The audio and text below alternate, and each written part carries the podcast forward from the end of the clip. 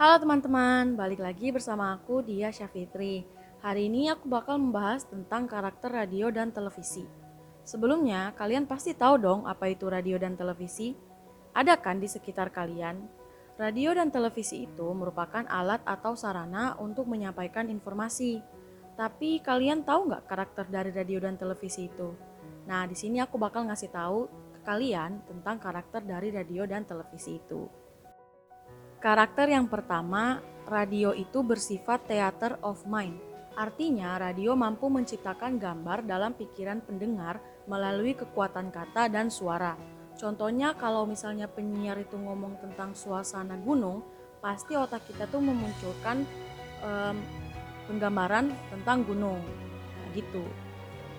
Yang kedua, pendengar tidak dapat mendengar kembali informasi yang tidak jelas diterimanya karena ia tidak bisa meminta kepada komunikator atau penyiar untuk mengulang informasi yang hilang, kecuali kalau ia merekamnya kembali.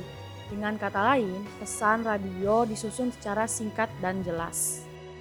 Yang ketiga, bisa didengar sambil melakukan aktivitas lain. Nah, kita mendengar radio ini kan biasanya sambil mengerjakan pekerjaan rumah, minum teh di sore hari, atau jadi teman di kala macet. Jadi, radio ini bisa menjadi teman kita untuk melakukan aktivitas sehari-hari.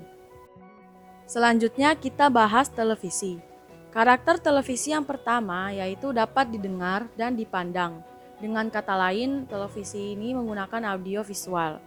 Yang kedua, berpikir dalam gambar. Ada dua tahap yang dilakukan dalam proses ini. Pertama, visualisasi atau menerjemahkan kata-kata yang mengandung gagasan yang menjadi gambar-gambar. Kedua, penggambaran atau picturization, yakni kegiatan merangkai gambar-gambar individual sedemikian rupa sehingga kontinuitas mengandung makna tertentu. Televisi itu lebih detail karena dia tuh merupa audio dan visual.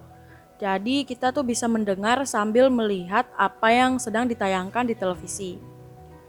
Selanjutnya, televisi itu memiliki daya rangsangan yang tinggi karena berisi informasi, iklan, dan program. Yang terakhir, televisi itu menggunakan teknologi tinggi yaitu digital dan streaming sehingga daya jangkauannya tuh luas, nasional, regional, dan internasional. Kayaknya itu aja yang bisa aku sampaikan ke kalian hari ini. Semoga bermanfaat untuk kita semua. See ya!